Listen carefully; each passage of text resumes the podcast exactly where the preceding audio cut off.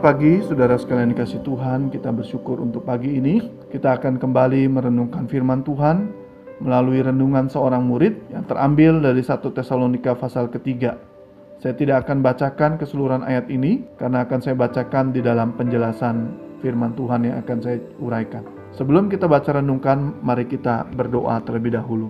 Tuhan berkati firman yang kami akan dengar. Tolong kami mengerti, memahami dengan baik firman itu dan kami menghidupi firman itu di sepanjang kehidupan kami. Dalam Yesus Kristus kami berdoa. Amin. Saudara, setiap orang percaya di dunia ini saya percaya ingin hidupnya memiliki dampak kekekalan bagi orang-orang lain. Baik itu bagi anggota keluarga, baik itu bagi sahabat, bagi orang-orang yang kita kenal. Saudara, ketika kita memiliki kerinduan untuk memiliki dampak kekekalan, maka seharusnya tindakan nyata itu betul-betul dilakukan. Bukan hanya sekedar berhenti pada keinginan atau kerinduan semata. Saudara sekalian, kita rindu orang-orang yang kita kenal, kita kasihi, mereka dapat mengenal Kristus, dapat bertumbuh di dalam firman Tuhan, dan hidup semakin serupa Tuhan. Nah, apa hal yang dapat kita lakukan untuk mewujud nyatakan kerinduan kita memberi dampak kekekalan. Saudara belajar dari pengalaman dan kisah Paulus, bagaimana dia peduli, mengasihi, dan bahkan melayani sungguh-sungguh jemaat di Tesalonika. Kita akan belajar beberapa hal penting. Bagaimana Paulus dia betul-betul memperhatikan, mempedulikan orang-orang yang dia layani. Yang pertama, Paulus berdoa bagi jemaat di Tesalonika. Pasal 1 ayat kedua, di sana Paulus berkata, "Kami selalu mengucap syukur kepada Allah karena kamu semua dan menyebut kamu dalam doa kami." Pasal 3 ayat 10, "Siang malam kami berdoa dengan sungguh-sungguh." Saudara Paulus tidak berhenti untuk berdoa bagi orang-orang yang dia pedulikan, dia kasihi, dia layani. Tidak peduli siapa dia, tidak pandang bulu. Paulus berdoa agar jemaat di Tesalonika itu dapat hidup kudus tak bercacat di hadapan Tuhan. Pasal 3 ayat 13. Karena dia kiranya dia menguatkan hatimu supaya tak bercacat dan kudus di hadapan Allah dan Bapa kita. Di dalam bagian lain saudara sekalian, Paulus merindukan agar orang-orang itu mereka dapat hidup di dalam kasih satu orang dengan yang lain di dalam ayat 12 dan kiranya Tuhan menjadikan kamu bertambah-tambah dan berkelimpahan dalam kasih seorang terhadap yang lain dan terhadap semua orang. Saudara Paulus berdoa untuk kebaikan orang-orang yang dia pedulikan, yang dia kasihi, yang dia layani. Saudara dia terbatas dalam banyak hal untuk menolong, untuk membantu, untuk menyatakan segala kebaikan kepada orang-orang yang dia kasihi. Tetapi dia punya Tuhan yang tidak terbatas. Dia berdoa memohon Tuhan yang tidak terbatas itu bekerja memberkati menolong orang-orang yang dia pedulikan. Saudara sebagai pelayan Tuhan di gereja, sudahkah saudara berdoa untuk orang-orang yang saudara layani dengan sungguh-sungguh? Saudara sebagai guru sekolah minggu, Sudahkah saudara mendoakan murid-murid anak-anak sekolah minggu?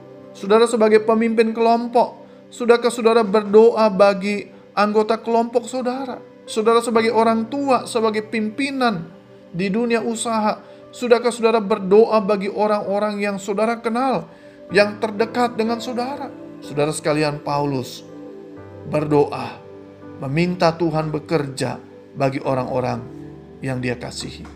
Yang kedua, Paulus bukan saja berdoa tetapi dia rindu untuk hadir di tengah jemaat yang dia kasihi. Di dalam 1 Tesalonika 2 ayat 17 dan 18, Paulus pernah berkata bahwa dengan rindu yang besar dia berkeinginan mengunjungi orang percaya di Tesalonika lebih dari sekali. Tetapi iblis selalu mencegahnya.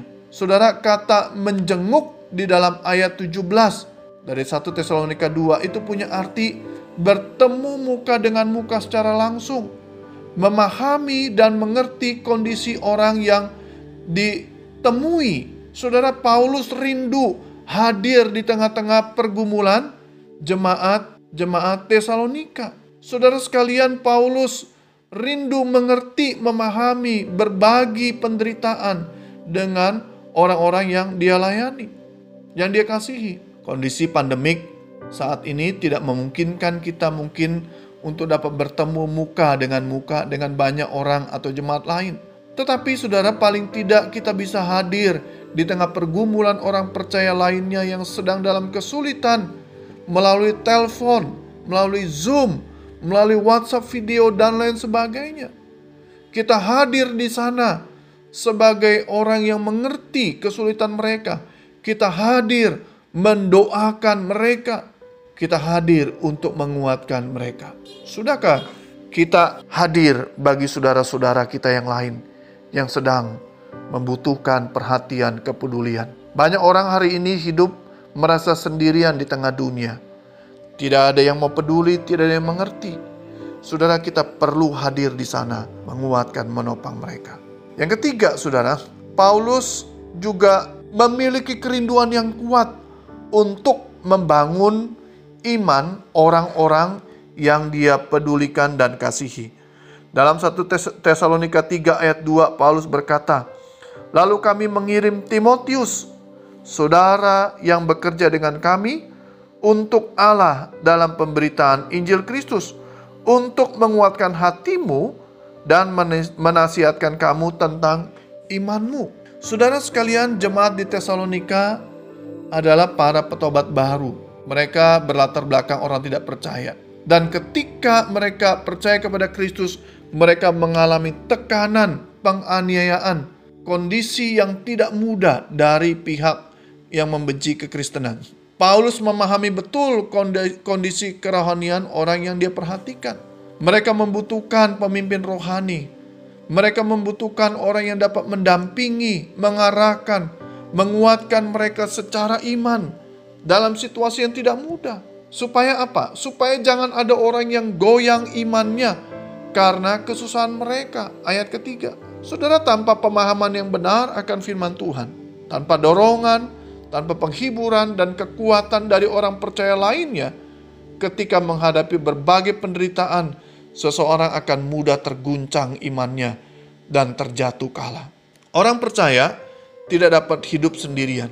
Dia harus saling menguatkan, menopang saudara yang lainnya, agar mereka tetap teguh berdiri tidak goncang, tidak terjatuh, dan boleh terus mengasihi Tuhan sampai akhir. Saudara, apa dampak kekekalan yang sudah kita berikan kepada orang lain hari ini? Mulailah untuk mendoakan, berdoa bagi orang-orang yang kita pedulikan. Hadirlah di tengah kesulitan dan pergumulan orang-orang yang sedang membutuhkan kasih Kristus.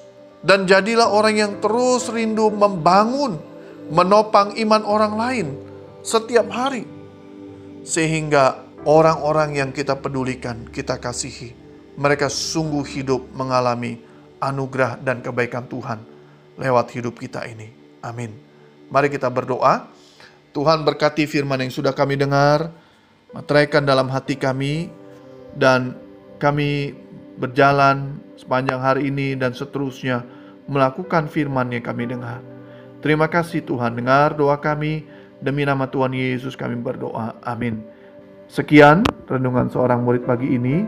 Tuhan memberkati kita sekalian.